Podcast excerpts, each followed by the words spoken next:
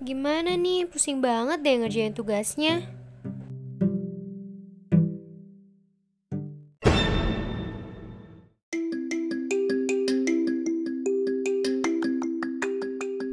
Bagaimana sih tips agar dapat menjaga kesehatan mental selama pandemi COVID-19? Yuk kita simak. Caranya mudah loh. Hal pertama yang bisa kita lakukan adalah membiasakan diri untuk mau menceritakan perasaan yang sedang kita alami kepada orang yang kita percayai.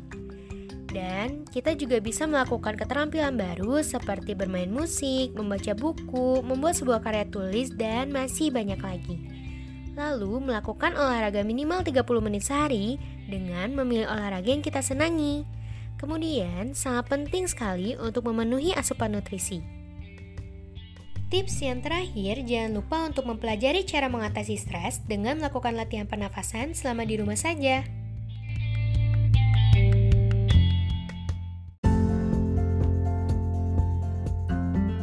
Menjaga kesehatan mental itu penting sebagai tahap awal dari pencegahan. Yuk, sayangi diri kita agar tetap ceria dan produktif.